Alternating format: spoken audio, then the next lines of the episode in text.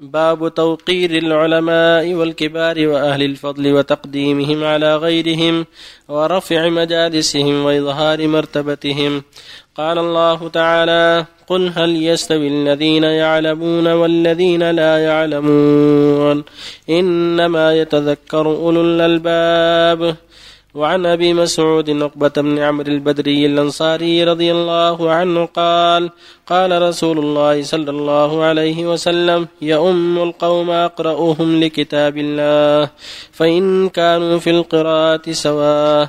فأعلمهم بالسنة فإن كانوا في السنة سواء فأقدمهم هجرة فإن كانوا في الهجرة سواء فأقدمهم سنا. ولا يؤمن الرجل الرجل في سلطانه ولا يقعد في بيته على تكرمته إلا بإذنه. رواه مسلم. وفي رواية له فأقدمهم سلما بدل سنا. أو إسلاما. وفي رواية يؤم القوم أقرأهم لكتاب الله وأقدمهم قراءة فإن كانت قراءتهم سواء فيؤمهم أقدمهم هجرة فإن كانوا في الهجرة سواء فليؤمهم أكبرهم سنا. وعنه رضي الله عنه قال كان رسول الله صلى الله عليه وسلم يمسح مناكبنا في الصلاة ويقول استووا ولا تختلفوا فتختلف قلوبكم ليلني منكم أولو الأحلام والنهى. ثم الذين يلونهم رواه مسلم.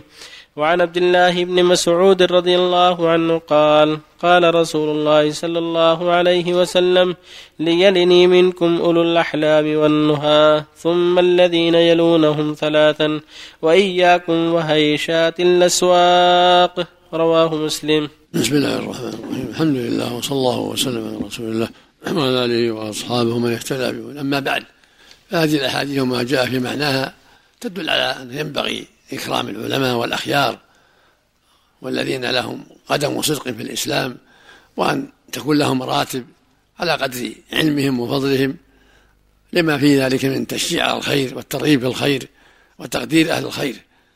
ولهذا يقول جل وعلا قل هل يستوي الذين يعلمون والذين لا يعلمون؟ إنما يتذكر أولو الألباب. لا شك لا يستوي أهل العلم وغيرهم ولا يستوي الأخيار والفساق ولا يستوي كبار السن وصغار السن. فينبغي إنزال الناس منازلهم. ولهذا يروى عنه صلى الله عليه وسلم قال أنزلوا الناس منازلهم. كل له منزلته التي قدرها الله له على حسب علمه وأعماله واجتهاده ومنزلته في الإسلام. ومن هذا حديث ابن مسعود رضي الله عنه البدري. يقول النبي صلى الله عليه وسلم يؤم القوم أقرأهم من كتاب الله. فإن كانوا في قراءة سواء فأعلمهم بالسنة. يعني سنة النبي صلى الله عليه وسلم. فإن كانوا في سنة سواء فأقدمهم هجرة إذا كانوا مهاجرين. فإن كانوا في هجرة سواء فأقدمهم سلما وفي رواية سنا. يعني فأكبرهم سنا. وإذا كانوا متقاربين فأقدمهم إسلاما إذا كانوا أسلموا ما ولدوا في الإسلام بعضهم أسلم قبل بعض. فالذي أقدم سلما يكون في الغالب أعلم بالشريعة وأكثر بصيرة بها. وهذا كله من باب إنزال الناس منازلهم وإذا كانوا في قراءة سواء فأكثرهم قرآنا كما في حديث عمرو بن سلمة لأمكم أكثركم قرآنا.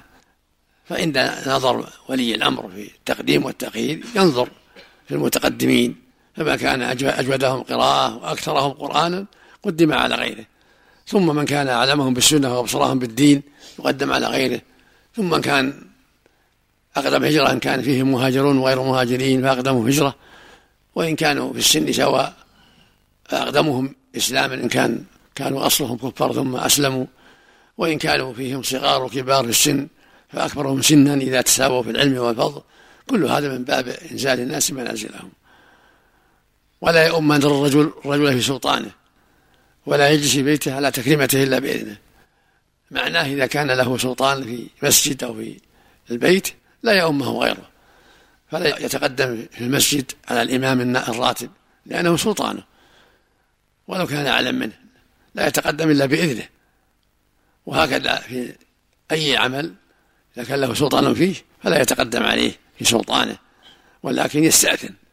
وهكذا إذا كان له مكان في بيت في مجلسه له تكلفة خاصة مجلس خاص لا يتقدم إليه الضيف إلا بإذن صاحب المنزل. ولا يقعد في بيته على تكريمته إلا بإذنه. يعني على الشيء المعد الذي يختص به ويجلس فيه إلا بإذنه. كل هذا من باب الأدب ومن باب إنزال الناس منازلهم. والحديث الآخر يقول صلى الله عليه وسلم ليلني منكم أولو الهام والنهى. كان يمسح مناكبهم ويقول لهم استووا ولا تختلفوا فتختلف قلوبكم. وليلي منكم أولو الهام والنهى. ثم ليلونهم ثم ليلونهم مقصوده الحث للعلم والبصيرة والقدم في الإسلام أن يتقدموا على الحدثاء الآتي الإسلام وعلى الصغار يتقدموا في الصف الأول ويسارعوا للصلاة. فلا يكونوا مع المتأخرين. أهل العلم والبصيرة والخير وكبار السن ينبغي أنهم يتقدموا لا يكونوا في الآخرة. ينبغي يتقدموا ويسارعوا إلى الصلاة. مهم معناه من تقدم من الشباب يؤخر؟ لا ما يؤخر. من سبق فهو حق. لكن معناه الحث على أهل كبر السن قدم الهجرة أن يتقدموا وأن يكونوا منافسين مسارعين الخيرات مسارعين للصف الأول قبل غيرهم. ومن تقدم من الشباب قبلهم فهو أحق بمكانه.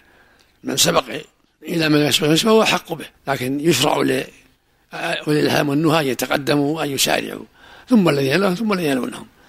حتى يكونوا حول الإمام وقرب الإمام يردون عليه إذا غلط يخلفونه إذا حصل له عذر إلى غير ذلك.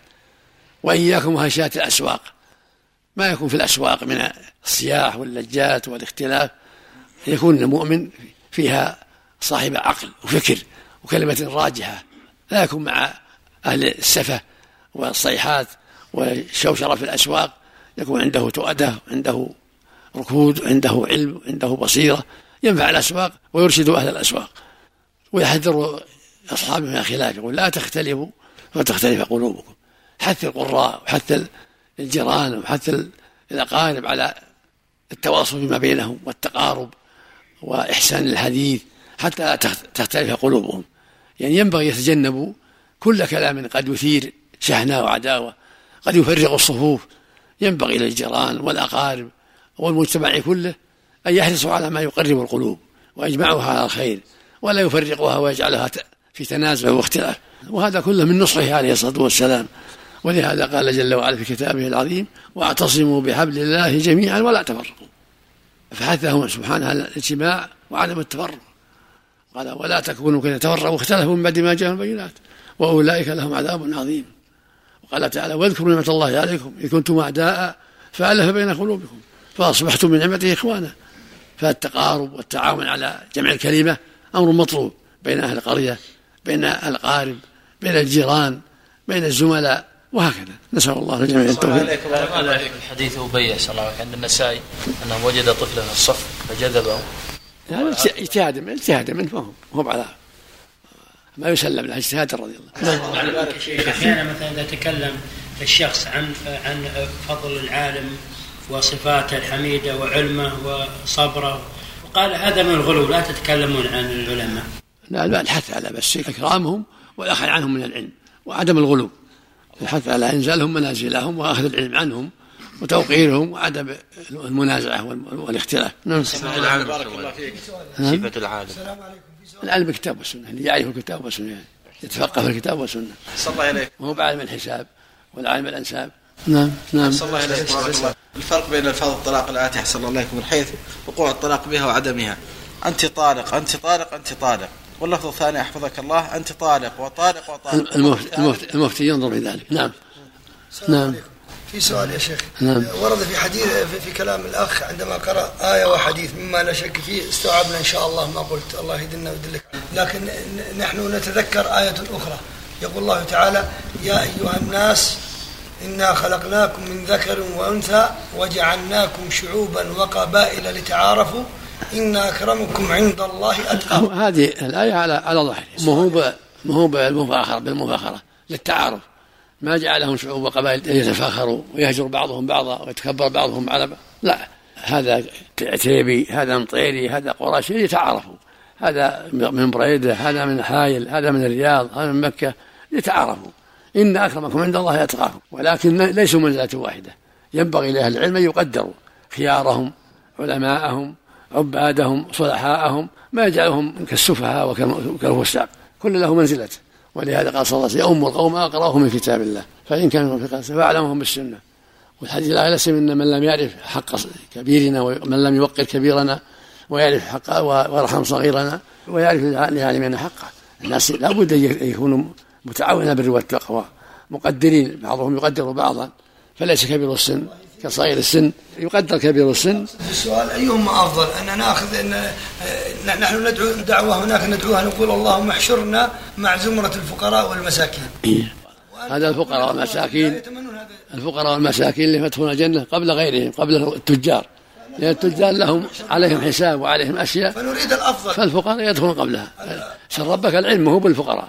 سر ربك العلم والبصيرة والهدى. قل اللهم فقني في الدين اللهم علمني ما ينفعني. يقول النبي صلى الله عليه وسلم من يريد الله به خيرا يفقهه في الدين. من سلك طريقا التمسه في المسح هدى الله له بطريق الجنة تعلم وتفقه. سر ربك التوفيق والعلم النافع. كانت أولو النهى والأحلام. البصيرة البصيرة والفقه في الدين.